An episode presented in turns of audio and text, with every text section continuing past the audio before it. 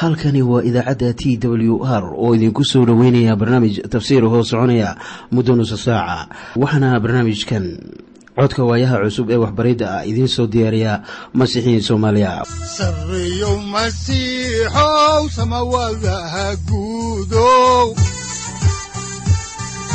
Siraadkii adduunkow subanaha eebow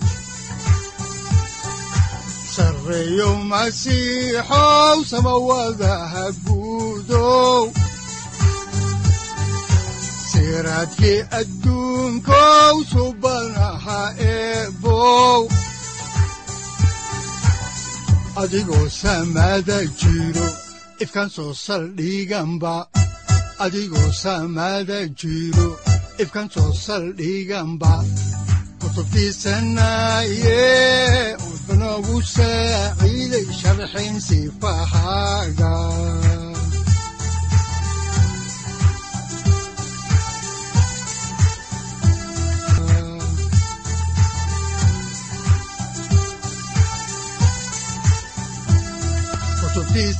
kutubtiisinayow ebanagu saaciid sharxin sifahaaga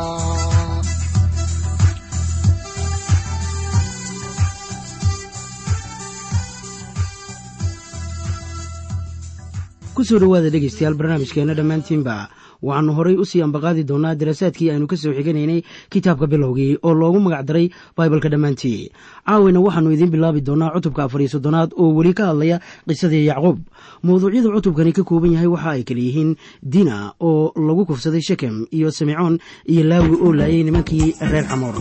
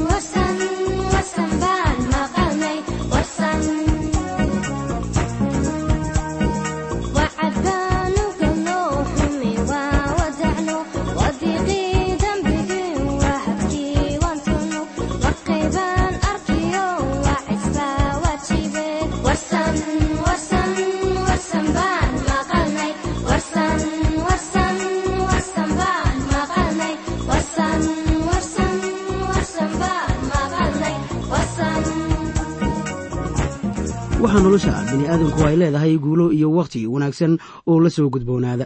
Dhegaystayaal yacquub sida aynu ku arki doonno cutubkan afar iyo soddonaad. Haatan uma ahayn wakhti farxadeed iyo mid damaashaad leh. Waxaa noloshiisa gashay xanuun iyo murugo. Maxaa wacay? Nabaddii uu ku taamayey ayuu garanayaa inaanu helin weli. Sida daacadda yacquub waxa uu sameeyey khalad markii uu istaagay salem waayo waxaa qoyskani halkan kula kulmayaan fadeexad diina oo ahayd gabadhii ayliya ah u dhashay yacquub ayaa lagu kufsaday shakam waxaana kufsaday wiilkii xamoor oo ahaa reer xiiwi dabadeedna. Simcoon iyo laawi oo ahaa wiilashii la dhashay diina ayaa ka aarguday wixii diina lagu sameeyey iyagoo dilay kuwii degganaa caasimadda xamoor. Yacquub waxa uu ku hakaday saalem ilaa iyo waxoogaa waxna ay taasu u keentay murugo aad u weyn. Sida daacadda cutubkan afar iyo soddonaad waa mid murugo iyo tiiraanyo badan. Tanina waxa ay niyajab ku tahay yacquub wakhtigan xaadirka. Yacquub amase israa'iil sidaan ugu yeerno aalaba waxa uu dhisay meel allabari waxaana uu haatan bixinayaa markhaati fur uu siinayo ilaaha baaqiga ah ee dhabta. Waxaan horay idinku soo sheegnay in qoyskani oo dhaniba loolan uu ka dhex socday laakiin haatan xaal kale ayaa taagan. Waxaa haatan timid fadeexad iyo liidmo dhex timid qoyskan reer yacquub taasoo aan ku jirin qoyskii ibraahim amase isxaaq. Waxaa qoysaskaasu lahaayeen dhibaato adag oo aad u fara badan. Laakiin la mid ma ahayn dhibaatada soo dhex gashay qoyskii yacquub. Iminkase aynu eegno maaddadan naxdinta leh ee ah in diina lagu kufsaday shekem yacquub waxa uu ku hakaday salem wuxuuna halkaa ka iibsaday dhul ka baxsan magaalada waa hagaag. Meeshaasu ma ahayn meel wanaagsan. Ilaana waxa uu doonayey inuu ninkan yacquuba ka wado meeshan xitaa aniga imaqal kadib markii aad akhriso cutubkan waxaad go'aansanaysaa in ilaah ku qumanaa inuu halkanna ka wado. Haddaba aynu dib ugu noqonno kitaabka bilowgii oo qisooyin badani ku qoran yihiin. Waxaana aynu ku jirray qisadii yacquub oo aynu ka soo xiganayno. Haatan cutubka afar iyo soddonaad aayaddiisa koowaad oo leh oo diina oo ahayd gabadhii liya ah ay yacquub u dhashay ayaa dibadda u baxday inay soo aragto gabdhihii dalka diina dibadday u baxday iyadoo soo booqanaysay magaaladan salem haddaan horay u sii ambaqaadno kitaabka ayaa waxaa ku qoran cutubka afar iyo soddonaad aayaddiisa labaad sida tan soo socotaa markaasuu shakem ina xamoor kii reer xiwi oo ahaa amiirkii dalka arkay iyadii oo uu kaxaystay oo la jiibsaday wuuna ceebeeyey iyadii. Haddii aan ku qoro luqadda jaraa'idiyadu isticmaalaan maanta ayaa qidcadaasu leedahay wuu kufsaday iyada dembiga waa in la sheegaa. Waxaa jirtay wakhti dembigu dembi ahaa laakiin haatanse waxa ay beddeleen habkii dembiga waxaana ay noqotay wax hormo hormo loo sameeyo haddii aad dembiilo tahay. Laakiin sidaas ma aha sida ilaah u higaadiyo ama u caarifo dembiga. Ilaah dembi dembi buu u yahay. Sida xaqiiqda innaga oo dhaniba waxa aynu leenahay dembi ama weynu dembaabnay. Haddaan halkii idiinka sii wadno kitaabka bilowgii ayaa waxaa ku qoran cutubka afar iyo soddonaad aayadaha saddex ilaa afar waxaana qoran sida tan. Naftiisiina way raacday gabadhii yacquub oo diina ahayd wuuna jeclaaday gabadhii si raxmadlena wuu ula hadlay gabadhii. Markaasuu shekem la hadlay aabbihiis xamoor oo yidhi gabadhan ii doon aan guursadee. Tan xiisaha leh waxay tahay wiilkii shekem ahaa aad buu u jeclaaday gabadha oo waxa uu sida xaqiiqda ah doonayey inuu guursado iyada. Haddaan halkii ka sii wadno kitaabka ayaa waxaa ku qoran cutubka afar iyo soddonaad aayadaha shan ilaa toddoba sida tan soo socotaa haddaba yacquub waa maqlay in shekem gabadhiisii diina nijaaseeyey wiilashiisiina duurka ayaa ay xoolihiisii la joogeen. Yacquubna wuu iska aamusay ilaa ay yimaadeen. Markaasaa xamoor oo shekem aabbihiis ahaa yacquub ugu tegey inuu la hadlo isaga oo wiilashii yacquub ayaa duurka ka yimid marka ay taa maqleen nimankiina way calool xumaadeen aad bayna u caraysnaayeen maxaa yeelay nacasnimo buu ku sameeyey reer binu israa'iil markuu la jiibsaday gabadhii yacquub taas oo aynan jid ahayn in la sameeyo.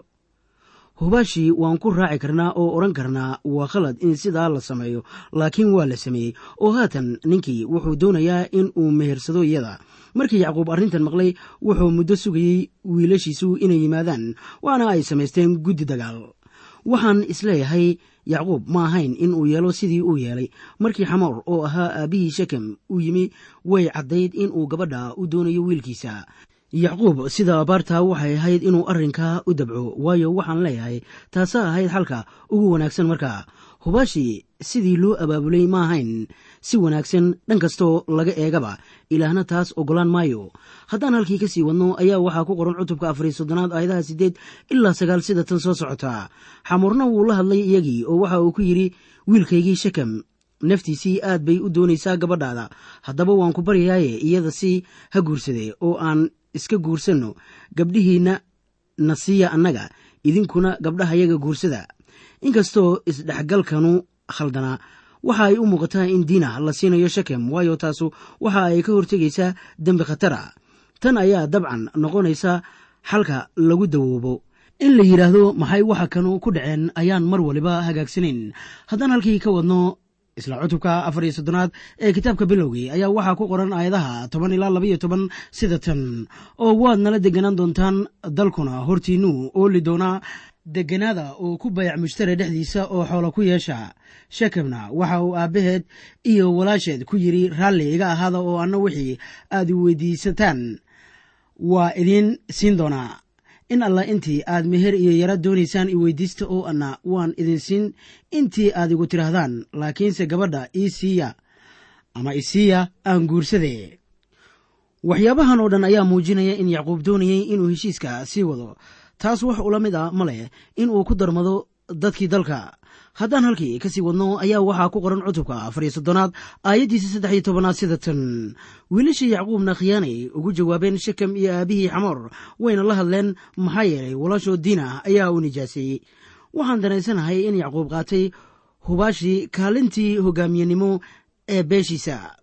Ugu horrayntii waxa uu ka hor istaagay in wiilashiisu khiyaameeyaan shekem iyo xamoor haddaan halkii ka sii wadno qisada ayaan eegaynaa sida ay ugu qoran tahay cutubka afar soddonaad aayaddiisa afar iyo tobnaad. Waxaana qoran sida tan oo waxa ay ku yidhaahdeen ma yeeli karno in aan walaashayo siinno nin buuriqaba ah waayo taasu ceeb bay nagu ahaan lahayd. Waxaa aniga i wareerinaya markaan dhacdadan eego waxa weeye meeshii ay ka canaanan lahaayeen dembiga kufsiga waa laysmoogeysiiyey waxayse canaanta ka heleen sharcigii ilaahsiiyey iyaga ee ku saabsanaa guurka kuwa aan gudnayn. Haddaan halkii ka sii wadno ayaa waxaa ku qoran cutubka afar iyo soddonaad aayadaha shan iyo toban ilaa toddobiyo toban sida tan soo socota. Si uun baannu idinku yeeli karnaa taasuna waa haddii aad intiina ragga ah oo dhan iswada guddaan oo aad noqotaan sidayada oo kale.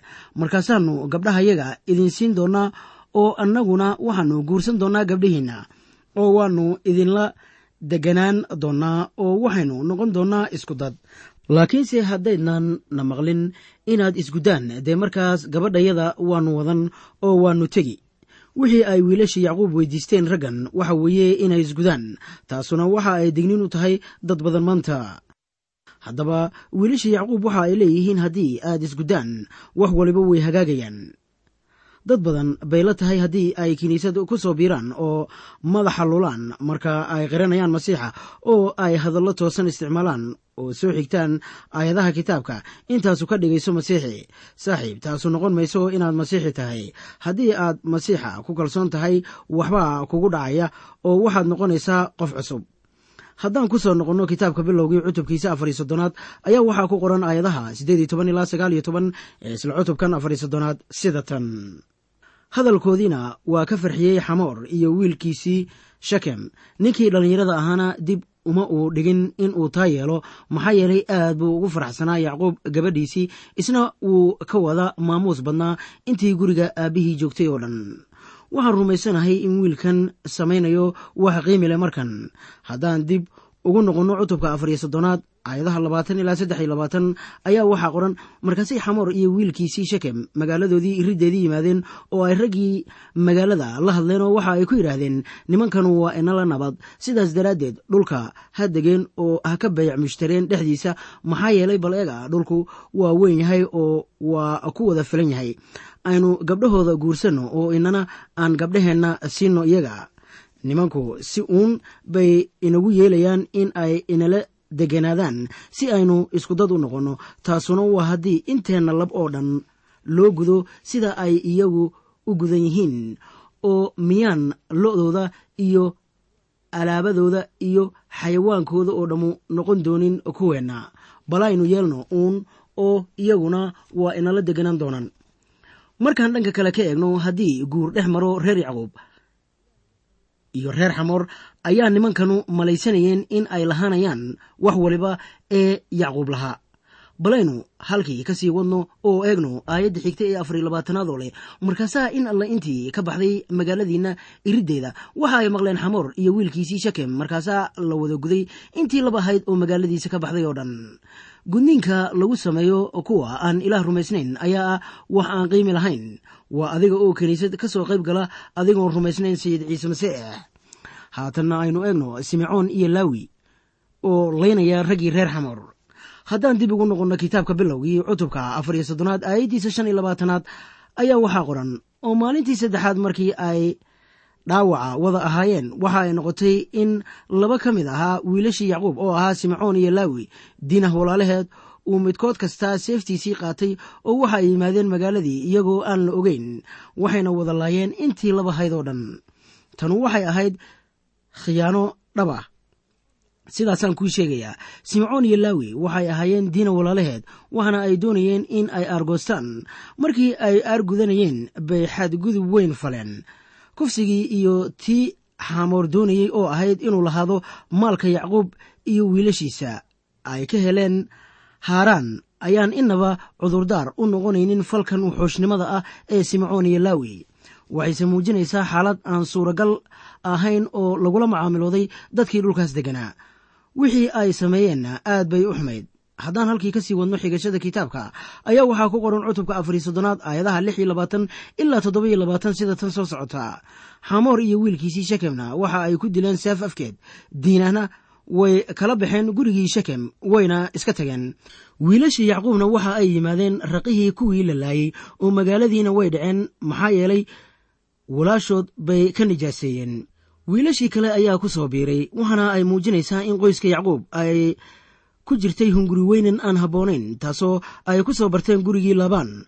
Haddaan halkaa ka sii wadno ayaa waxaa aanu ka akhrinaynaa cutubka afar iyo soddonaad aayadaha siddeed iyo labaatan ilaa soddon sida tan soo socotaa waxayna la tageen arigoodii iyo loodoodii iyo dameerahoodii iyo wax alla wixii magaalada u yiil iyo wax alla wixii duurka u joogay iyo maalkoodii oo dhan iyo dhallaankoodii oo dhan iyo naagahoodiiba way qabsadeen oo way dhaceen. Xataa wixii guryaha yiil oo dhan. Yacquubna waxa uu simecoon iyo laawi ku yidhi dhib baad igu rideen maxaa yeelay waxaad inacsiiseen dadka dhulka degan oo ah reer kancaan iyo reer feres. Haddaba anigoo dadkaygu yar yahay ayaa ay isku kay wada urursan doonaan oo ay idili doonaan markaasna aniga iyo reerkaygaba waa la baabi'in doonaa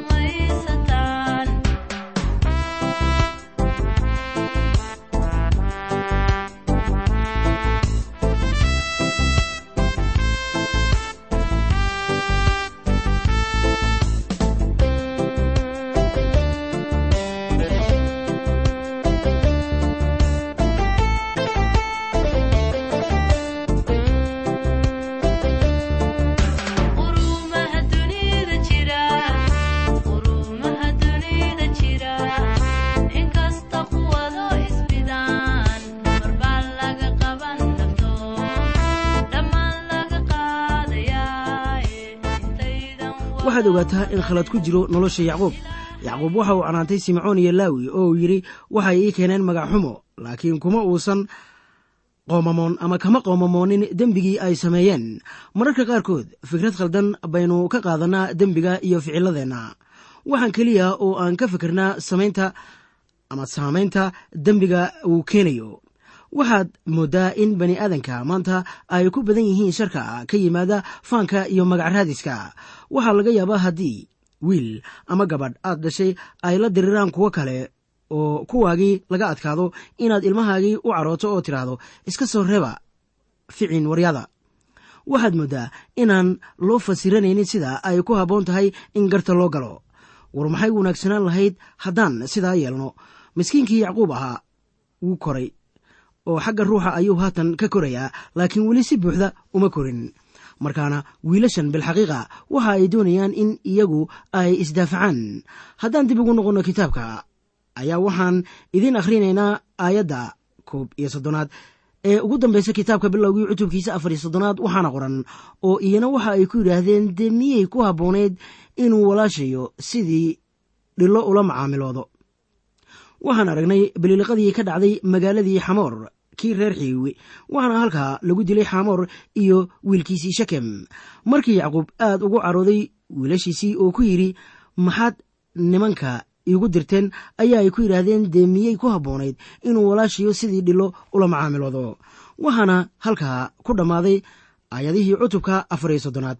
Ha yeeshee su'aasha ugu dambaysa waa mid wanaagsan waxaanse leeyahay haddii ay doonayeen in ay eedda dusha u ritaan markii ugu horraysayba waxa ay maqli lahaayeen wiilkan oo way u oggolaan lahaayeen in uu mehirsado walaashood. Waxay ahaan lahayd xalka ugu wanaagsan ee wax ka taraya arrintan laakiin taa lafteeda ma wanaagsanayn. Waxay ahayd inaanay samaynin wixii ay sameeyeen laakiin waa inaan barannaa inaanay u noolayn qaab nololeedka. Ku qoran warqaddii rasuul bawlos u qoray dadka reer rooma cutubka labaiyo tobnaad aayadaha sagaal iyo toban ilaa koob iyo labaatan oo leh. Gacaliyaalow ha aarsanina laakiin meel u banneeya cadhada ilaah waayo waxaa qoran aarsashada anigaa leh. Anaa u abaalmarin ayaa rabbigu leeyahay laakiin haddii cadowgaagu gaajaysan yahay cunto sii hadduu haraadsan yahayna waraabi waayo haddaad saas samayso waxaad madaxiisa ku kor ururin doontaa dhuxlo daba sharku yuusan kaa adkaan laakiin sharka wanaag kaga adkow. Yacquub waxa uu haatan bilaabayaa in uu dareemo dhib ku soo fool leh qoyska oo dhan.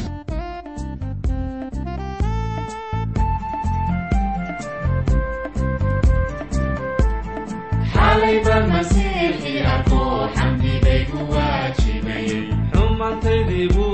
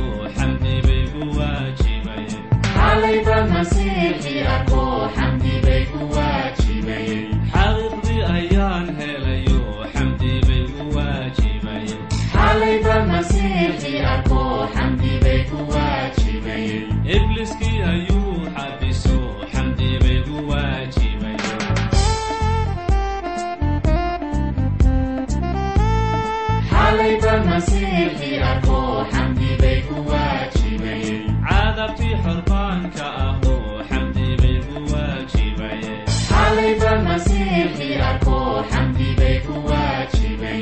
iimaankaygii baa xasilo xamdi bay ku waajibayeen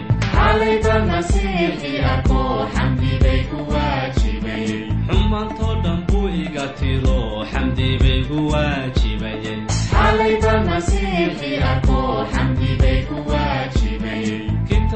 kitaabkiisii baan xafido xamdi bay ku waajibayeen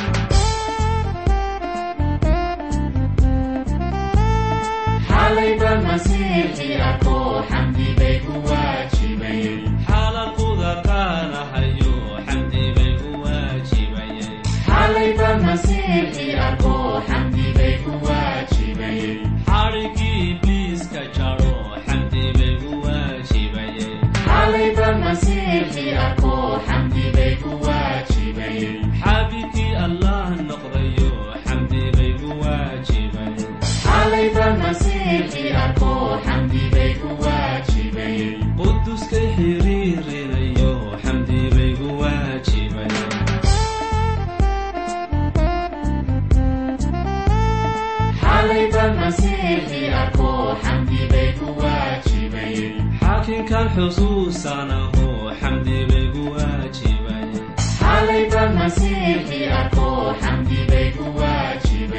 jannada la soo xarmado xamdi baygu waajibay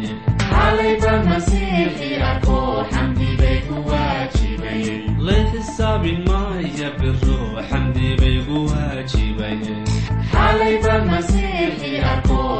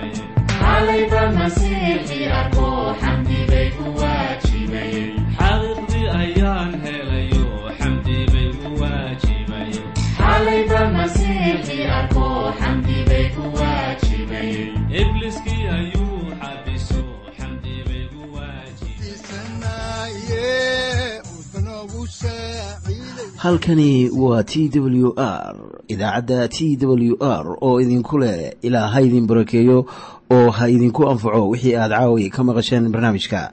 Waxaa barnaamijkan oo kalea maqli doontaan habeen dambe hadahan oo kale haddiise aad doonaysaan in aad fikirkiina ka dhiibataan wixii aad caawi maqasheen ayaad nagala soo xiriiri kartaan som t w r at t w r c o k e dhegaystayaal haddii aad doonaysaan inaad mar kale dhegaysataan barnaamijka fadlan mar kale booqo www t t b o r g ama www t w r o r g halka sare waxaad ku arkaysaa markii aad gasho language ama luuqadda waxaana dooranaysaa soomaali haddii aad doonaysaan in aad dejisataan oo kaydsataan barnaamijka ama aad mar kale dhegaysataan fadlan mar kale booqo www t t b t w r o r g ama www t w r o r g haddii aad doonayso in laga kaalmeeyo dhinacyada fahamka kitaabka amase aad u baahan tahay duco fadlan fariimahaaga soo mari bogga aaraahda ama kommentska inana jawaab degdeg ah ayaanu ku soo diri doonaa amase ku siin doonaaye sarreyow masiixow salula wihiyow saacadda timid dhulka sabada ku dhalatiyo